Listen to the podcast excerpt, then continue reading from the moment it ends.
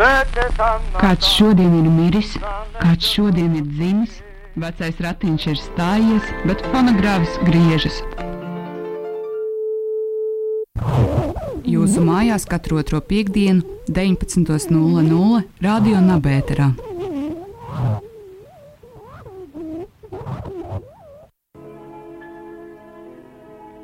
Я не провожу проповеди, я знаю. Просто сейчас вы в таком состоянии, сейчас как магнитофоны. И все, что я говорю, оно где-то записывается и программируется. И вы ответите, ответите четкой реакцией. Labvakar! Pūkstens septiņu vakarā. Šodien ir 7. oktobris, un radio nabērā skan ziņu raidījums ar fonogrāfu. Ārā krēslo autovadītājiem darētu piesar piesargāties.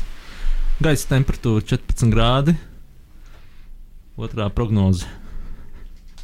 Barometrs rāda labvēlīgu laiku. Un eh, šodienas raidījumā, ziņu raidījumā ar fonogrāfu mēs apskatīsim paš, pašus jaunākos notikumus Latvijā un pasaulē. Studijā Andrejs Balodis esmu uzaicinājis arī uh, studijas politisko ziņu ekspertus Aināru Kamoliņu Labvakar! un Andru Hiršu, Labvakar! kuri dalīsies savās pārdomās par pašiem jaunākajiem un svaigākajiem notikumiem. Viens no tiem, par ko neviens vēl šobrīd neko daudz nav dzirdējis, ir uh, Latvijas uh, saimnes 14. saimnes jā, vēlēšana rezultāti. Pārunāsim, kādi ir jūsu iespaidi, kolēģi? Vai balss ir saskaitīts? Nu, ja nemaldos, mēs tikai tagad dabūjām pēdējos rezultātus. Uh, par joprojām nav pārkāpis 5%. Attīstībai par, ja Attīstībai pār, nu, kur tur attīstās, kur ir pārējais. Mē, mēģina pārkāpt vēl joprojām 5%. Jā, nu, pūcēm, diemžēl, vajadzēs to fitnesu vairāk nodarboties, lai viņš pārkāptu. Jo, tomēr tā latiņa izrādās viņam bija par augstu. Jā, es pieļauju, ka viņam ir uh, varbūt šobrīd jāmeklē kaut kāda biļete nozaudēta. Arī tas, es domāju, ka mūsu uh, diētas komanda arī strādā pie viņa īpašās programmas. Tā.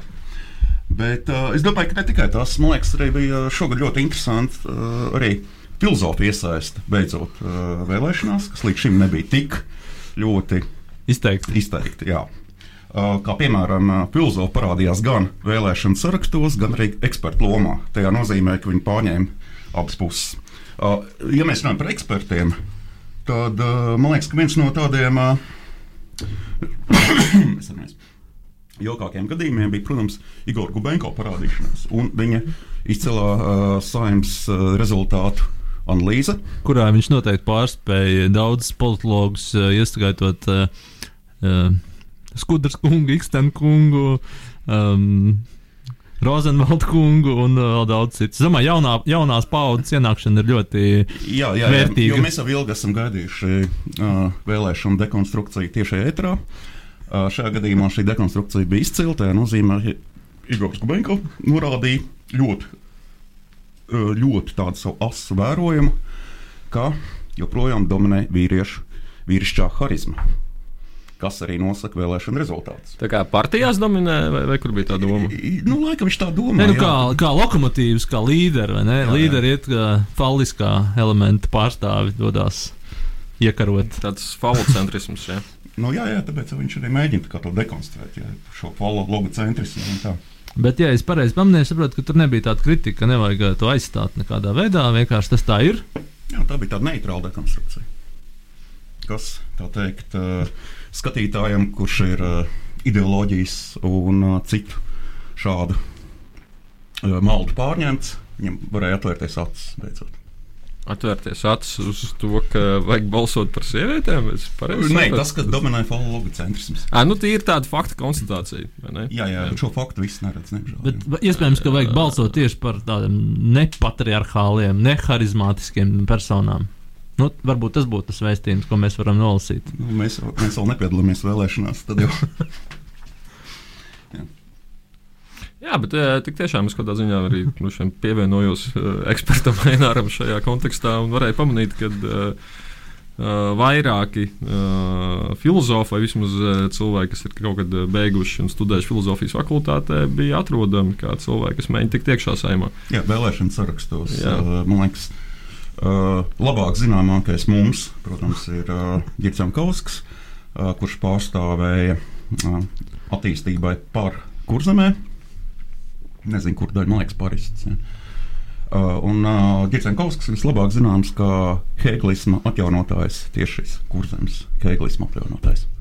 Bet, nu, acīm redzam, ka kurzems ļaudis uh, senos kursus neuzrunāja. Varbūt šī Hēgeļa figūra nebija pietiekami patriarchāla. Nu, Garš vēl nav attīstījies līdz tam. Varbūt, ja mēs atceramies arī Hegelu, Hegelu mēdz kritizēt par to, ka viņam nebija pārāk veiksmīgas lekcijas. Viņš nebija tāds uh, izcils orators. Nu, turklāt viņš, man liekas, bija arī monarhists. Bonaparts viņam patīk ļoti. Jā, um, doktors Sants Hiršs šobrīd māja galvas. Domāju, viņš varētu mums par vā- vā- es, vācu filozofiju, vācu ideālu sabrukumu šobrīd. Pizdzīvo kurzemē. Kurzem piedzīvo faktiski politisko vācu ideālismu sabrukumu. Tā Man nav tāds iespējas jums radies. Tas ontoloģiskais vācu ideālismu sabrukums manifestējās Kabilē, un tad gribēju teikt, ka tas politiskais. eh, Politiskais notiek, notiek šobrīd. Es Tiek noraidīts Hegels. Es gan vienkārši. iedomājos, Andrej, tu jau kuldīgā Jā, tā- klausījies, savu vārdu, bet- klausījies to lekciju par Hegelu. Tur bija par Hegelu demokrātiju, man grūti komentēt šo. šo Tur bija aspektu. par Hegelu un pilsonisko sabiedrību. Mhm, jā. Bet uh, nu, tas acīm redzot, Pilsoniskā ir. sabiedrība varbūt arī monarhijā. Tomēr.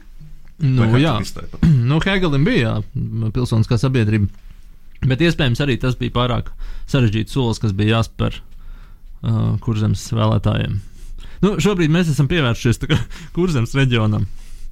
Jā, uh, iespējams, kādās, kādos citos raidījumos mēs aplūkosim arī citus reģionus, vai ne? Par Latviju mēs varētu izteikt kaut kādus savus arī vērtējumus. Varbūt, uh, kolēģi, Nē, nē. nav nekāda, nav nekāda iespēja par Latviju. Atgādājis zudus. Latvijā nav nākotnes, jā, Latvijā ir tikai pagātne. Tas ir fonogrāfā vēstījums. Un šo pagātni mēs esam Nu, Izpētīšu. Latvijā bija Vitebskas pagātne, vai ne? Tur bija Vitebsks, jā, pagātnē. Bet Vitebsks arī zudus pagaidām. kā. Nu jā, un uh, katrā ziņā nu, es ceru, ka uh, kurš gnostiķi joprojām turpinās sabotēt Hegelismu kurzemē, un tad jau, tad jau viss būs kārtībā.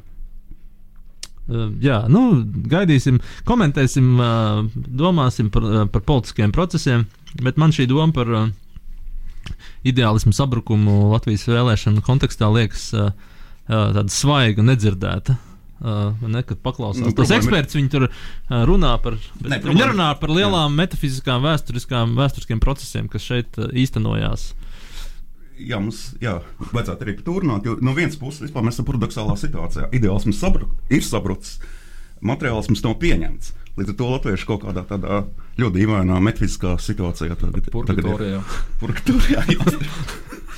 Nē, ne jautājums var jāizvēlās viens vai otrs. Tas, tas varētu arī būt. nu, diezgan saskaņot ar diskutabli. Engels ir jāizvēlās. Mēs, eh, mēs, mēs ar Andrēnu nesen piedāvājam absurdu, vai ne? Kā, kā versiju, kur arī var, var iespējams arī palikt, ja, ja tiešām palikt absurdā. Jā, un vēl tālākais absurds ceļš, protams, ir tāds kolektīvais, vispārējais absurds, kas pārauga uh, marazmā. Es domāju, tas tā būs fonogrāfa dāvana latviešu tautai, marazma atzimšana. Un, uh, nu kā atrisināt šo ideālismu un materiālismu problēmu, vienkārši doties marazmā. Tieši tā. Pievērsīsimies pasaules notikumiem. Jā. Nu, šodien savu dzimšanas dienu svin uh, viens no diktatoriem. Tādiem tā teikt, centrālajiem pagaidām. Ja? Proti, Putins. Un uh, šajā gadījumā mums, liekas, bija uh, Andrejs atnācis ziņām par to, kas tiek īsti dāvināts viņam. Jā, nu, dažādas versijas. Man sākumā likās, ka es nosapņoju, bet tomēr kaut kur bija parādījušās tomēr ziņas par uh, uh, lieliskiem astoto pasaules brīnumu, meloņu piramīdas. Meloņu piramīdas kaut kur uh, Taģikistānā tiek uh, savāktas, tādas vai ne Vidusāzijas uh, tādas labas melonas un uh, izveidotas piramīdas divas. Jā, man šķiet, ka tā ir tāda interesanta Un tas tika dāvināts Putinam. Jā, kā es Jā. sapratu. Mhm. Uh, nu, jautājums, uh, kāds? Vai Kā, arī kā, vienkārši atsūtīt fotografiju. nu, vai brauc pakaļ?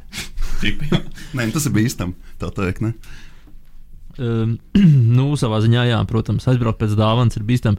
Uh, es tikai domāju, jā, ko šīs melonas varētu simbolizēt. Kas tur ir tāds? Nu, atcerēsimies to, ka uh, Dekartam bija tie saucamie trīs sapņi, no kuriem viens sapnis bija tas, kurā viņš, uh, un tas, tas tiešām tā ir, vienā no šiem sapņiem viņš sapņoja par divām melonēm, uh, ko turēja sieviete rokās.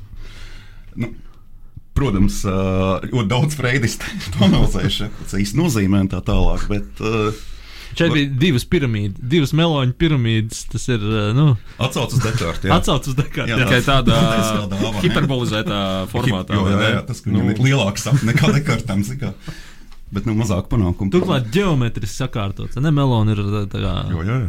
tāds ap, apļa, apļveida vai ne? Apļa. Apaļš, bet piramīda ir kaut kas tāds stūrains. jā. Nu, līdz ar to. Tā, es domāju, ka jā, Taģikstāns prezidents bija acīm redzot arī pārskatījis, vai ne, Dekarta sapņus. Jo.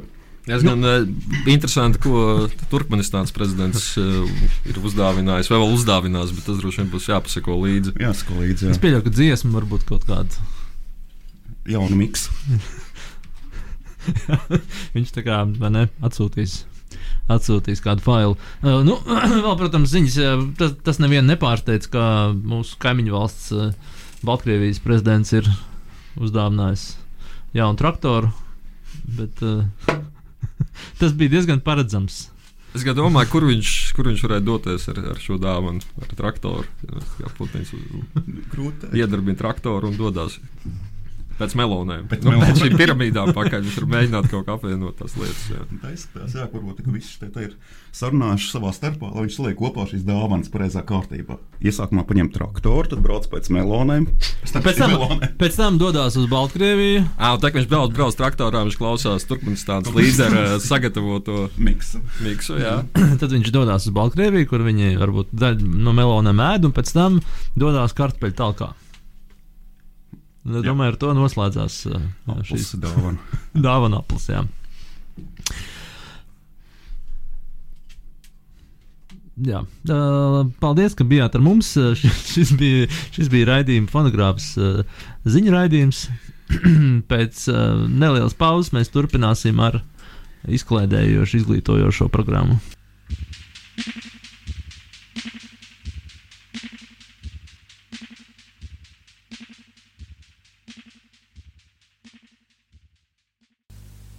Ja tu neesi birokrāts, klausies raidījumu fonogrāfs.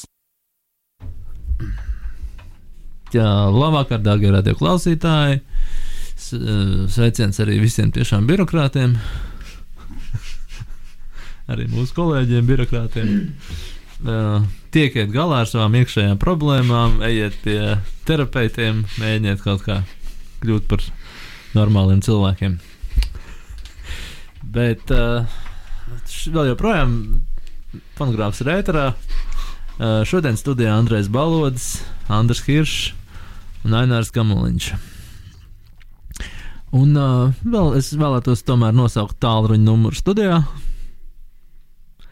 kas ir 67, 22, 99, 86, 67, 22, 99, 86. Ja jums gadījumā rodas kādi jautājumi par raidījumā aplūkojamo tēmu vai kādu citu, uh, varat droši mums piezvanīt. Bet šodienas raidījuma tēma ir uh, personība Milda Palēviča, ievērojama latviešu domātāja.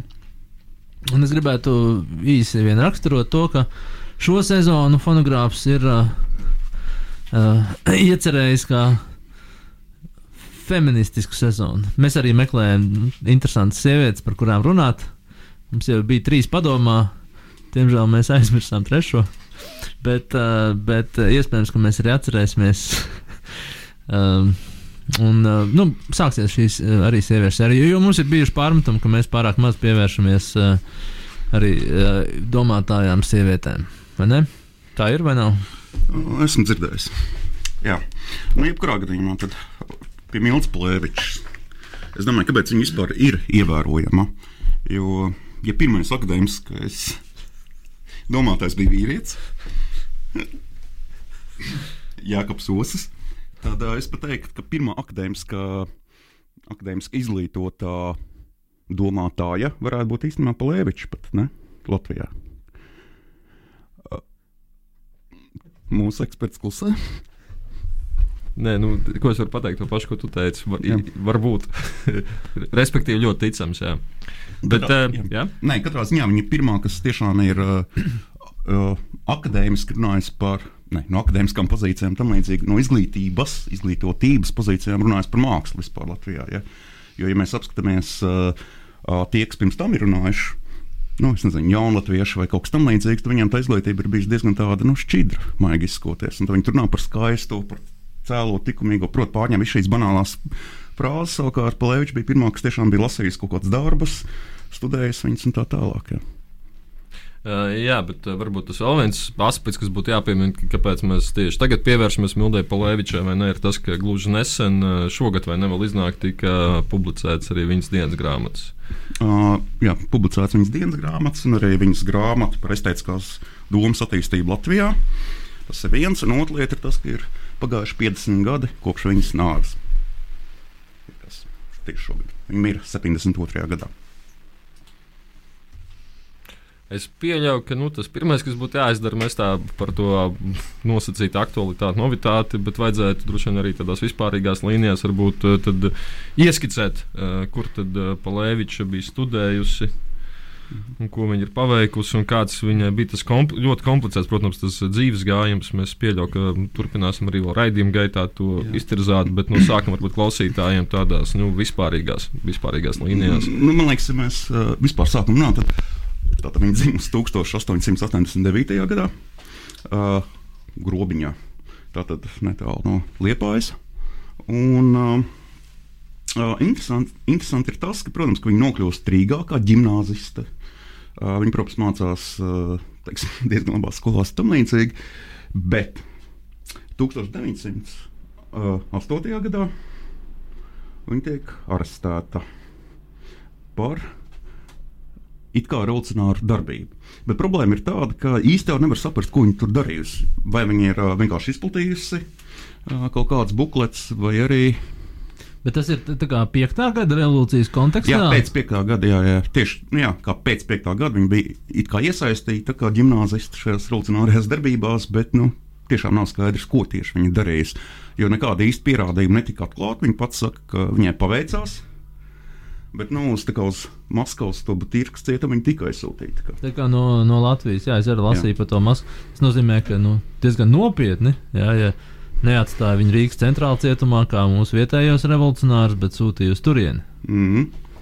Nē, nu tā arī ir. Un tad uh, faktiski tad, uh, viņai uh, nekas pēc tam cits neatlika. Kā faktiski nu, bēgt no Rīgas uz uh, Franciju pēc tam. Faktiski. Tas bija tas variants, kā viņi mēģināja kā, nu, pārdzīvot šos uh, uh, laikus. Jā. Jā, interesanti. Ie- Iedomājieties, mazliet līdzīgs tas, tas eh, dzīves posms vismaz attiecībā uz šo periodu, kā, kā Loskim, ne, kurš arī bija gimnājā, un tad viņš sasaistās ar sociālistiem, kas tajā brīdī diezgan izplatīts, vai ne, un tad viņam aizliedz vienkārši studēt impērijas ietvaros, turpināt studēt. Nekāds ir Palēvičs gadījumā, Nē, vai man liekas, viņai viņa- bija viņa varēja- liegums eh, turpināt studēt. eh, Nu, liegums viņai, impērijā, liekas, vai- nebija tāds tieši liegums, bet uh, viņai, nu, jā, viņai nācās beigt. nu, Bet, lai arī iespējams, ka viņa bija ar Losu kaut kāds, kā, tāds pagrīdes pāris. Ja, tur. Varbūt viņa Francijā tikās, jo Loskis arī, vai ne, viņš pēc tam Francijā kādu, kādu laiku. Nu, jā, bet uh, kas ir vēl ļoti iezīmīgi, ir tas, ka, protams, uh, esot gimnāzistē, viņš satiek savu nākamo vīru, kurš ir, ja nemaldos, 12 gadus vecāks, uh, Konrāds Janovičs, jeb citā pavārdā Fallijs. Viņš bija pasniedzējis viņai. Viņš bija pasniedzējis divus gimnāzijā? gadus, jā, un pasniedz tā kā par mākslu un literatūru. Bet es saprotu, ka tā bija septītā klase. Viņai pieļauju, tur tie gadi varbūt citādāk, bet uh, Man liekas, ka bija 12 gadu starpība. nu, starpība, jā, Jā, jā, jā, bet jā. uh, viņa mācījās septītajā klasē. Nu, jautājums, cik viņai bija gadu, Mm, to mēs vēl varam papētīt. nu, Jā. 8. gads, tā tad 9, 17, man liekas, kaut kas bija. 16, 17. Nu, katrā ziņā uh, arī to tajos laikos nebija gluži ētiski. Bet uh, kas ir interesanti, ka uh, Folijas bija tāds ļoti, ļoti dīvains cilvēks, un uh, Milta Palēvičs pēc tam izdeva viņa tā kā tās lekcijas polisē, kas bija diezgan, es teiktu, teiktu tā, ekscentrisks. Bet uh, Nu, Falīs bija, nu, mums, protams, jāprasa literāra, literāra, uh, literatūras vēsturniekiem un kritiķiem, bet nu, Falīs asociējās ar dekadentismu kustību Latvijā. Viņš ir, man liekas, tā Jā, dekadenta kaut manif subjektīvisms, ma simbols, manifesta jā, autors. Un, un, uh, Jā, jā, un ne tikai tas, viņš arī, protams, Polijas bija nu, tik ļoti pārņemts ar sevi, ka viņš taisījās cīnīties ar aini, un tāpēc arī rakstīja savu versiju Latvijas. Sakot, ka nu, tas būs labāk nekā Rainim. Protams, pēc tam viņš uh, brauc cīnīties par sevi, savu taisnību uz Latviju. Bet, nu, kā zināms, Raina mēs atceramies, Polija mazāk. Tā. Nu, labi, tā tad gimnāzijas laikā viņai aizsākās šīs attiecības ar Faliju, kas pēc tam, protams, vēl diezgan ilgi turpinās. Jā, bet, ir, nu, jā. turpinās. Es neteiktu, ka ļoti ilgi, nu, jo Polijas nemaz tik ilgi nedzīvoja. Pēc tam, jā. bet viņiem divi bērni ir. Divu bēr, divus bērnus uztaisīja, kas pats interesantākais, protams, ka viņa pārvācās uz uh, Fran Franciju. Pa vidu viņa bija pastudējusi nedaudz Strasbūrā, tad Falijas uh, un gimnāzistas vadīja pa Itāliju, un kurien vēl rādot mākslu un skaidrojot mākslu. Ja? Bet beigās viņa tā kā nu, nokļūst Parīzē. Parīzē savukārt uh, Falijas saprot, ka viņam nāksies pamest Miltu Palēviču un doties pie citas gimnāzistas un tur taisīt bērnus un vispārējo. Miltu Palēviča paliek ar diviem bērniem Man patīk, rokas. man patīk, ka tas nāksies tāds tā, tā, tā kā pienākums valī vai tāda jābūtība. Es teiktu, tā, ka nu, Falijas kaut kādā nozīmē, man liekas, bija tāds nu, fatālists, zini kā, kur viņu straumu nest, tur viņš nokļūst. Un, Viņš varbūt bija noskatījis kādu Francijas meiteņu liceju. tā- ne, kā reiz, kā reiz viņš tikai ar tām latviešu gimnāzistēm, jo viņš bija viņas, nu, pārņēmis, ja tur kaut kā to mazo uh, harēmu viņš tā turēja tās gimnāzistas. Ja. Un, uh, nu jā, tā tad īsāks, ko viņš pārvāc pie ķītas gimnāzistas vārdā Dora. Milta Palēviča paliek ar diviem, bērniem, un tad viņa priekš sevīm atklāja spinozu par laimi. Un, lasot šo spinozu, viņa aizvien vairāk un vairāk kā, nu, liekas, eh, samierinās, ka nu, nav jādzīvo šajos afektos attiecībā pret foliju. Protams, ka šī lops pēdējais, protams, ka viņš ir slikts cilvēks un tam līdzīgi, bet tāpēc nav jācieš. Un uh, viņas dienas grāmatas ir ļoti, ļoti daudz atsaucis tieši šo spinozu, spinozu vientulību un par to, kā uh, spinozu pieņem šo likteni un tam līdzīgi. Un tam līdzīgi. Nu, lūk, taču. Parīzē viņi dzīvo līdz 17. gadam. Tātad, Es vēl pieminēšu, ja, ja tu esi 17. gadā. Falijas, manuprāt, nomirst 15. 15. jā. Un es atceros, viņai, viņai ir piezīme par, par Faliju, kaut kur presē publicēta par to, ka uh, tie kapa vainagi uz, uz Faliju kapa liecina par to, cik viņš ir bijis nesaprasts cilvēks un domātājs. Man, man likās, nu, ka tā. Ar Nē, cieņu var izteikties par. Uh, Nu, no vienas puses ar cieņu, bet no otras puses, vienmēr, kad viņi raksta savas autobiogrāfijas, pieņemsim, ir vairākas kā viņi publicējusi. Ja. Viena no tām ir, man liekas, latviešu sievietes vai kas tāds krājums, kurā viņi tā arī raksta. Nu, es pēc apprecēšanās nu, es sāku, ka man bija jāizvēlās, ja, un es sāku necienīt Falli, burtiski.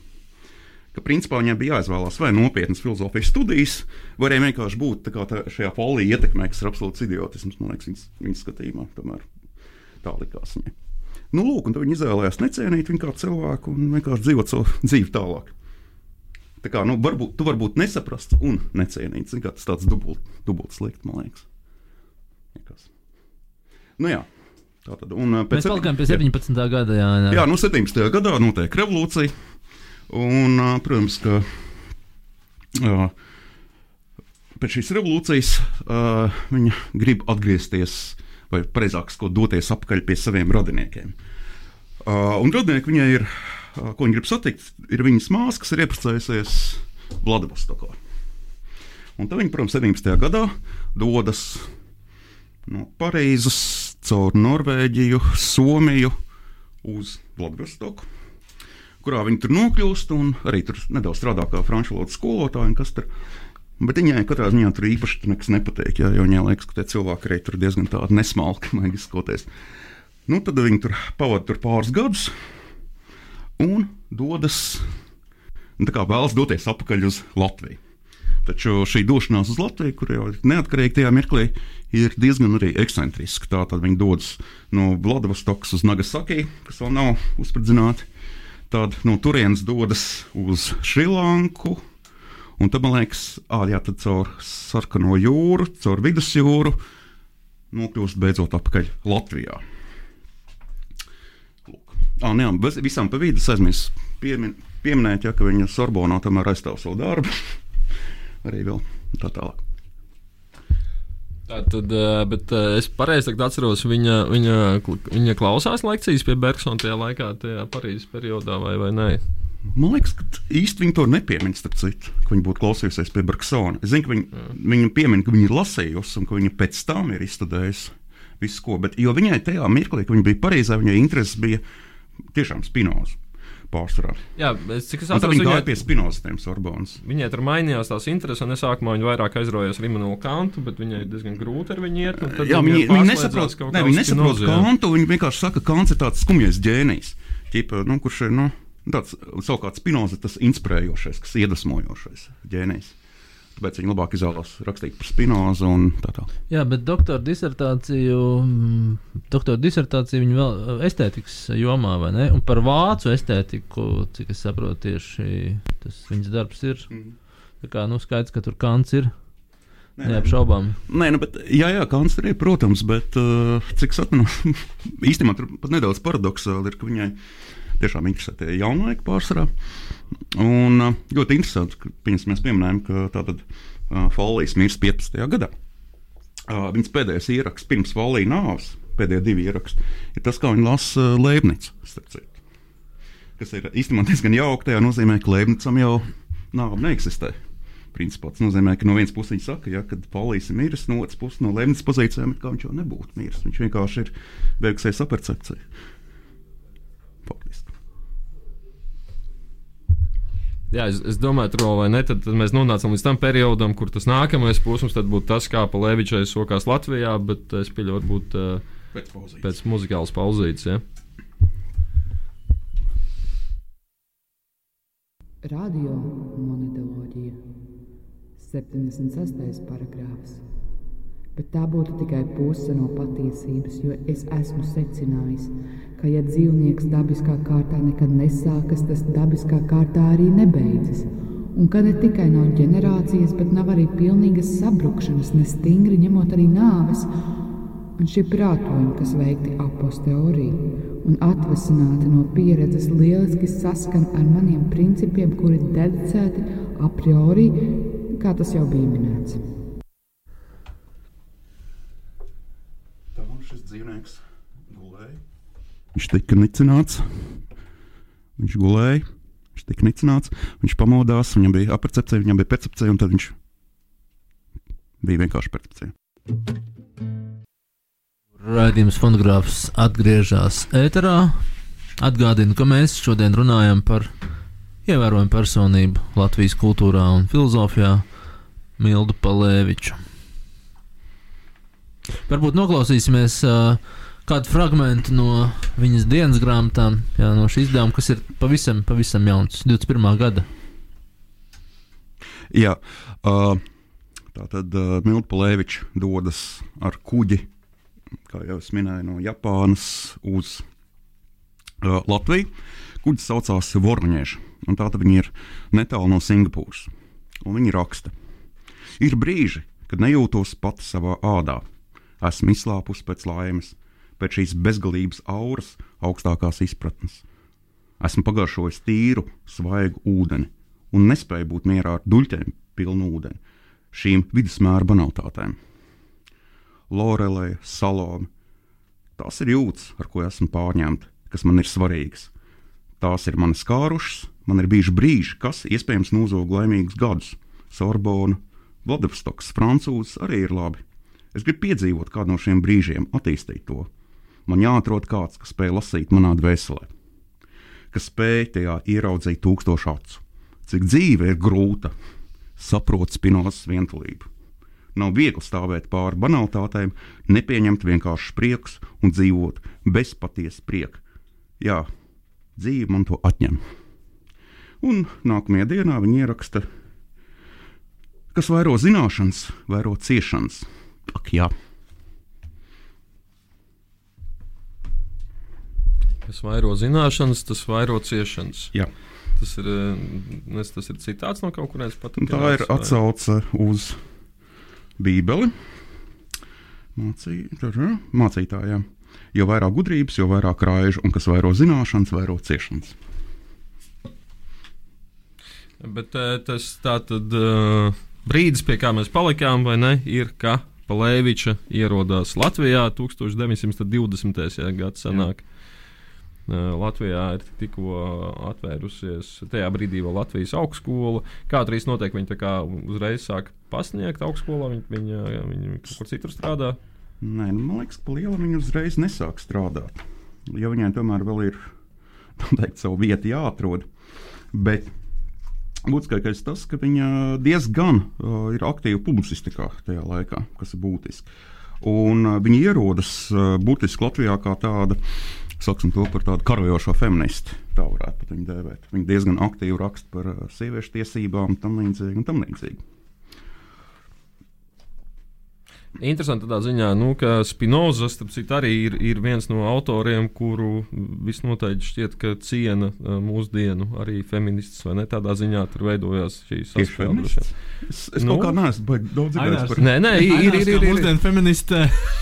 Ļoti cienu Spinoza. ir aina arī atsevišķi arī kaut kāda rakstuma, un vismaz viena monogrāfija, droši vien, ka ir vairāk, kas tā arī saucās Spinoza un feminisms. Tur vairāk ir tā doma, ka priekš Spinozas tas cilvēks var būt laimīgs, un tas nav atkarīgs no viņa dzimuma, vai ne? Tas ir stāsts par šiem afektiem. Kā, nu, kaut kā līdzīgi kā Dekarta Kogito, mm. vai ne? Kas arī ir be, bezdzimuma būtībā šis mm. Kogito, vai ne? Jā, Nē, nu šajā ziņā jā. Nu, Spinoza var cienīt feministu. Tas nozīmē, ka viņš neko tādu troku nepasaka. Šībā, piemēram, no Imants Kanta, ja, kurš burtiski runāja par sievietēm, kā jūtu pārņemtām, ja, un vīriešiem kā uh, prātu pārņemtiem. Ja būtiski tāds dzimuma nošķīrums viņam ir. Jā, Spinozam nav tāds. Jā. Jā, kas vēl varbūt eh, jāatzīmē, mēs skatāmies tīri uz to Latvijas inte, intelektuālo vidi tajā laikā, pa Lēvis droši vien nu, tā, nu, tādām interesēm par Bergsonu diezgan ierakstās, vai ne? Jo tur jau ir arī Pauls Jurēvičs, un tas Bergson, Bergsonisms ir diezgan aktuāla tēma. Šeit droši vien Andrejs var pat vairāk pakomentēt šo, šo, um, šo aspektu. Jā, un es arī pārskatīju pirms raidījuma nedaudz to publicistisko aktivitāti.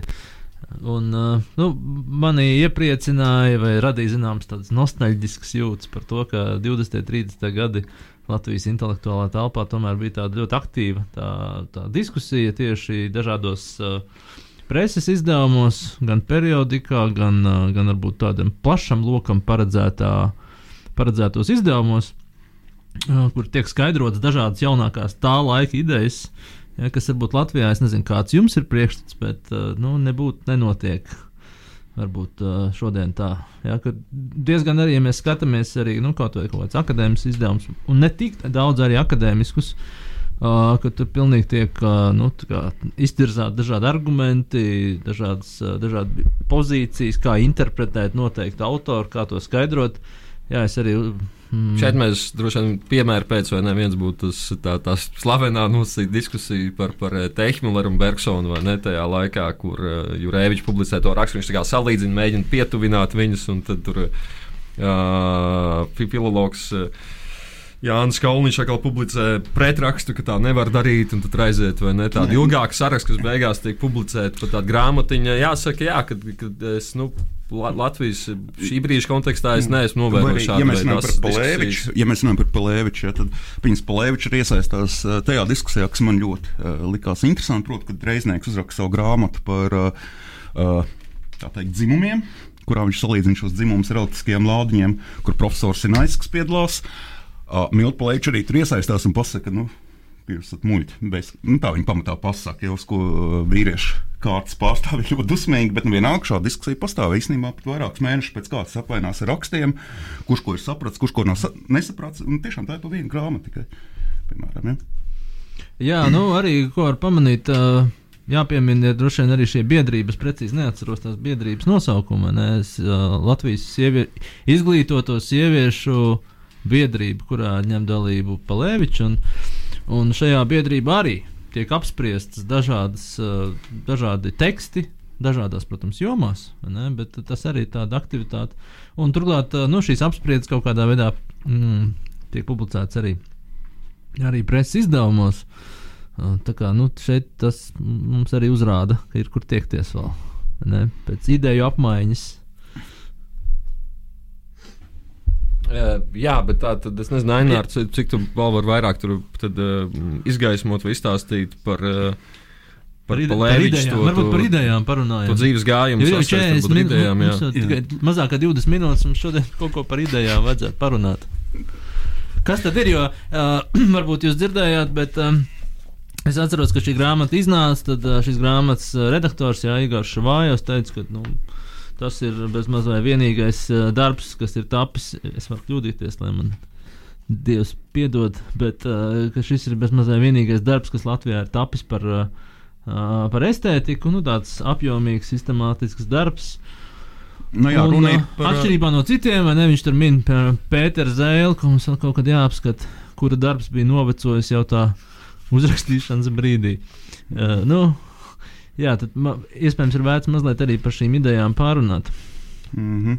Nē, nu, ļoti grūti pateikt, kāds ir uh, viņas tāds idejas, jo.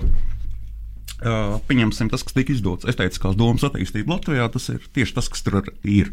Vienkārši viņi apskatās vairāk, mazāk sistemātiski, uh, sākot ar 19. gadsimtu uh, pirmo pusi. Kādi ir bijuši izteikumi, kāds ir bijis pārdoms par mākslu un skaisto, strikt ņemot. Un, uh, tāpēc viņi vienkārši iet sistemātiski cauri, saka, tur Alnāns šito, tur nezinu, Barons šito un tā tālāk. Uh, līdz ar to es neteiktu, ka tur ir uh, kaut kāda ļoti specifiska lieta. Tā ir ļoti, ļoti klasisks darbs šajā ziņā. Vienkārši tāds pārskats, klasisks. Jā. Katrs filozofs, katram īstam filozofam ir jābūt arī nu, tagad, savas jomas vēsturniekam. Viņam jāsaprot šī ģenēze. vai ne? Tādā ziņā šis darbs to apliecina. Nu, Tieši tā. Uh, savukārt, uh, kas man liekas, uh, ir tā interesantāk, ir tas, ka viņi pati jau saka, viņi ir bergsonisti mākslās. Nu, mākslas izpratnē tā varētu teikt. Viņi ir pārgājuši no šī uh, racionālisma jaunlaika jau tieši šo kā. Uh, lai arī, ja, piemēram, lasa viņas tos darbus, tad īstenībā nav skaidrs, tieši kurā nozīmē viņi kļūst par tādu bergsonistu. Jo visu laiku šie darbi ir tomēr nedaudz deskriptīvi, tā kā vairāk vai mazāk. Bet ir skaidrs, ka priekš viņas māksla nav tādā atkal tajā klasiskajā Latvijas tradīcijā, kas ir viņas, viņas laikos, tādā ikdienas, ja, k- kur domā tā, tā, ka māksla ir vienādojums ar skaistumu vai smukumu. Viņi vienkārši mēģina kā, skatīties šo darbu caur šīm specifiskām estētiskām emocijām, ko viņi faktiski tā dēvē. Protams, nav runa par uh, to, ka darbs reprezentē kaut ko, bet vienkārši darbs kļūst mākslinieks, darbs caur tavām emocijām, kā viņus skaties. Vienkārši tam līdzīgi. Nu, tas, tā, tā, tā otra vai ne tāda monogrāfija ir problēmas aiztētikā vai aiztētikas eh, Aiztētikas problēmas, problēmas laikam jā. bija pareizi. jā. Eh, Nu, tur viņi arī diezgan daudz gan, gan uz Bergsonu, gan, gan, em, gan uz Kantu atsaucās. Jā, un kā jau ka tas viens, ko viņi ļoti, uz ko viņi fokusē uzmanību, ir šis nošķīrums vai ne starp, starp estētiku un ētiku. Proti, ka kaut kur līdz ar kantu mēs sākam saprast, ka ka estētikai principā nav nekāda sakara ar, ar ētiku.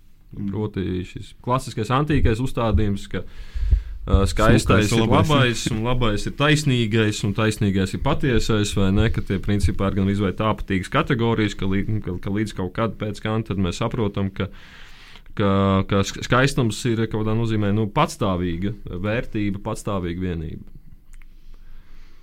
jā, nu, es jums, kolēģi, uzdošu nepieklājīgu jautājumu, bet uh, vai, jūs, vai jūs varat uh, pastāstīt mums radio klausītājiem, kas ir estētika? Mācība par maņām. Nu, tā ir viena, viena versija, ne? Jo šeit mēs asociējam ar šo vārdu izcelsmi, ne? par, par uh, mūsu spēju uztvert. Nu, bet tā arī ne, nu, man arī grūti iedomāties kaut kādu ļoti tādu izsmeļošu vai, vai detalizētu definīciju. Droši vien tas, ko mēs atrastu, ja mēs kaut kur skatītos, visticamāk, tā arī nu, būtu Nu, labi. vienkārši. vai Labi. Ne mācība par skaisto droši vien. kas, Jā, nu, bet kāds sakars maņām ar skaisto? Nu, ja jautājums mācība par, par maņām ir kaut kas, uh, nu, tāda psiholoģijas ne? Kā mēs nonākam pie skaistā šajā estētikas kontekstā? Nē, nu, man liekas, ka Palēvičs obligāti negrib nokļūt pie skaistā. Nu, Ā, pie skaistā, jo- pie jo- cildenā, pie traģiskā, pie Jā. komiskā. Viņi raksta par šīm kategorijām. Jā, bet viņi saka, ka uh, traģiskais uh, vai komiskais tās nav īsti estētikas kategorijas. Tie ir žanri vienkārši. Uh, savukārt, tas, kas, uh, kā kāds darbs izsauc mūsos kaut kādu zināmu veidu reakciju, lūk, tas jau ir estētikas jautājums, nevis žanra jautājums. Piemēram, ja.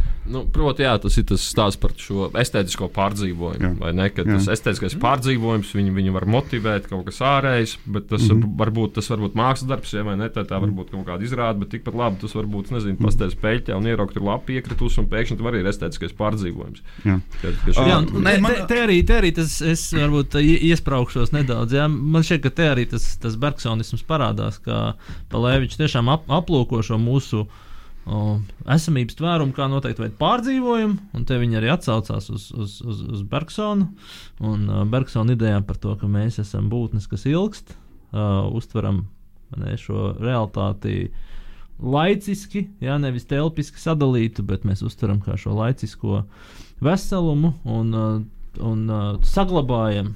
Uh, es uzduros kādam jaukam viņas rakstam par atmiņu, kādā veidā nu, caur atmiņu mēs saglabājam šos uh, estētiskos pārdzīvojumus un reģistrējam tos savā pieredzē, un tādā veidā nu, mēs arī saprotam to, kas esam mēs paši un to, ko mēs uztveram.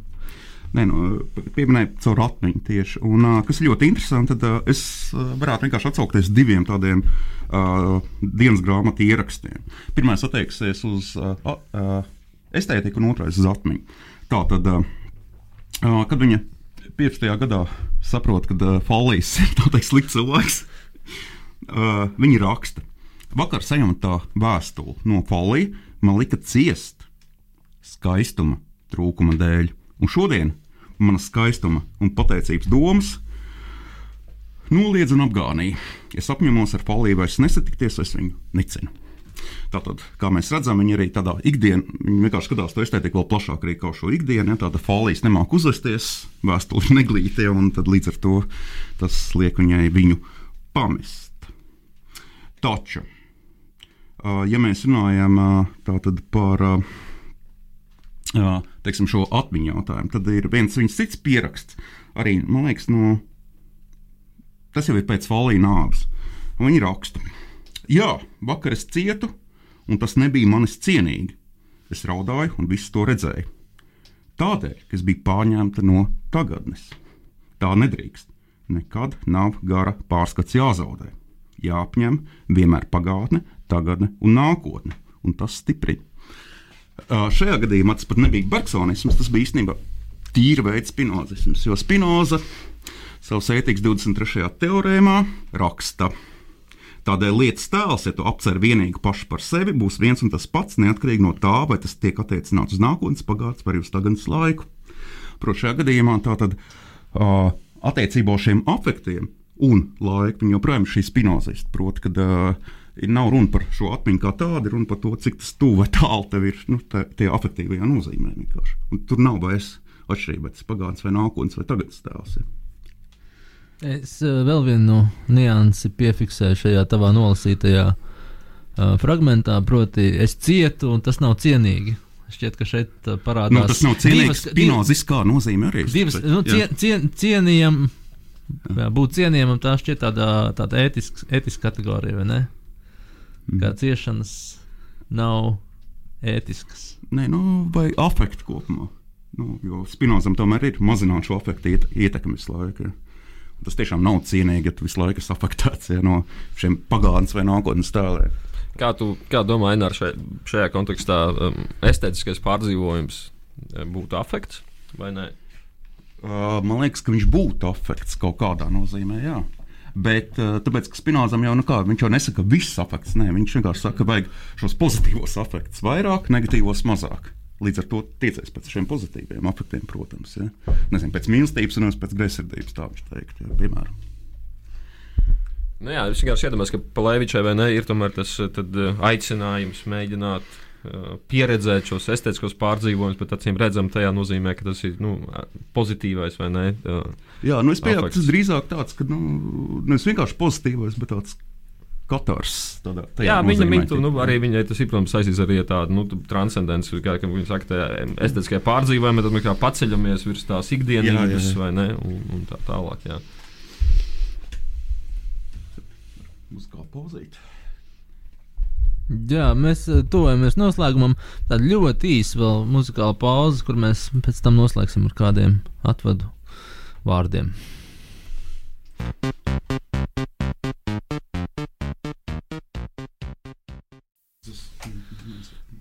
Jā, uh, raidījums fonogrāfs šovakar noslēdz savu uzstāšanos uh, Radio Naba. Bet es jums, kolēģi, gribētu pajautāt vienu tādu mazliet dzimumu balstītu jautājumu.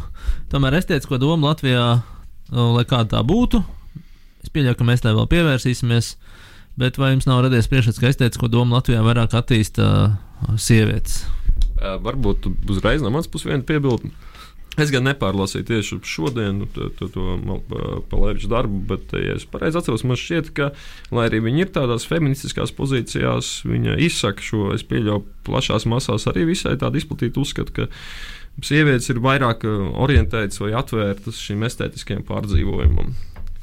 Un tas varbūt tās būtu kaut kur daļēji atbilde vai reakcija uz, uz Andrēja jautājumu. Nē, bet uh, varbūt Andrēs to arī runā no tādām tagadnes pozīcijām, ka tagadnē ja, vairāk ir tie estētikas pārstāvji, kā sievietes. Uh, ja mēs runājam par Latviju konkrēti. Tā varētu būt arī mazliet diskutabli. Bet, uh... no, es, jā, es domāju, ka divas korifejas, kas bijušas sievietes, piemēram, mums ir un tā tālāk. Bet, uh, Kopumā, ja mēs skatāmies šo grāmatu, estētiskās domas attīstību Latvijā, tad uh, absolūti dominēs sievietes. Vai nevis sievietes, bet vīrieši. Jā, bet uh, tur ir tā lieta, nu, tur rāņa estētika, barona estētika, kāds vēl, ne, tie, tie ir uh, dzēnieki, mākslinieki, rakstnieki, kuri, nu, teiksim, nav pacēlušies šajā meta līmenī. Restīvi, viņi paši varbūt ir būvējuši kaut kādu nu, estētiku caur saviem mākslas darbiem, bet viņi nav domājuši tieši par šo, reflektējuši par šo savu mākslu. Nu, nav... nu, jā, bet ja mēs skatāmies tādus ori oriģinālus darbus, ja, estētikā Latvijā ir bijis ļoti maz, uh, tad, uh, es tā padomāju, nu, piemēram, kurcējs tomēr ir vīrietis. Viņam ir aktīvā māksla, viņš mēģinātu kā savu oriģinālu koncepciju izveidot, piemēram. Ja. Uh, kamēr pārējie vairāk vai mazāk mēģinājuši kā, nu, vai nu reflektēt, ko citi saka, vai nu, neveidot savas teorijas tādā apzinātajā nozīmē, reflektētā nozīmē. Jā, paldies, jā, kolēģi. Jūs uh, man diezgan labi apstrīdat. Es tagad arī skatos uz vienu no mūsu mūsdienu estētikas celmlaužiem Latvijā. Mēbeļu filozofijas autoru, kurš arī, protams, pievēršas. Nu, es neteiktu, tā ir estētika. Tā ir, tā ir nopietna metafizika un ontoloģija. Bet uh, tu tagad pazemināji disciplīnu. Estētika arī ir. Estētika, estētika arī... var būt nopietna. Jā protams. Jā, man šķiet, arī Palēviča gadījumā tā arī ir nopietna un tuvojās tādai ontoloģiskai. Arī Jā, man liekas, Palēviča gadījumā tas estētika ir ļoti ciešā veidā savīta ar ontoloģiju. Nē, un turklāt, kā arī varēja redzēt, šī estētika arī savīta ar uh, sadzīvi kaut kādā nozīmē, kad viņi tiešām skatās uz šīm estētiskām kategorijām arī uz uh, savām attiecībām ar cilvēkiem, savu vidu un tam līdzīgi. Protams, ka tas viņiem tiešām viss ir tāds viens. Tā jau arī ir ontoloģija. Un kaut kādā nozīmē, jā, un jā, mēs varētu teikt, ka, nu, jā. Ontoloģija jums ir tuvāk nekā, to es klausītājiem saku. Ontoloģija jums ir tuvāk nekā jums šķiet, un estētika līdz ar to arī. Bet, nu, noslēdzam šo pedagoģisko, pedagoģisko uh, noslēgumu daļu ar uh, atvadīšanos. Ne? Mēs atvadāmies uz kādu laiku. Es ceru, ka mēs būsim atpakaļ. Un uh, nākamreiz mēs šķiet turpināsim sieviešu ciklu, par ko būs runa par vienu no slavenākajām sieviešu domātājām Latvijas vēsturē. Jā, ļoti populāru domātāju konkursu neizsludinām, bet uh, gan jau jūs viņu nojaušat. Bet uh, šobrīd ar labu vakaru un lai jums veiksmīgs piekdienas vakars novēl fonogrāfs.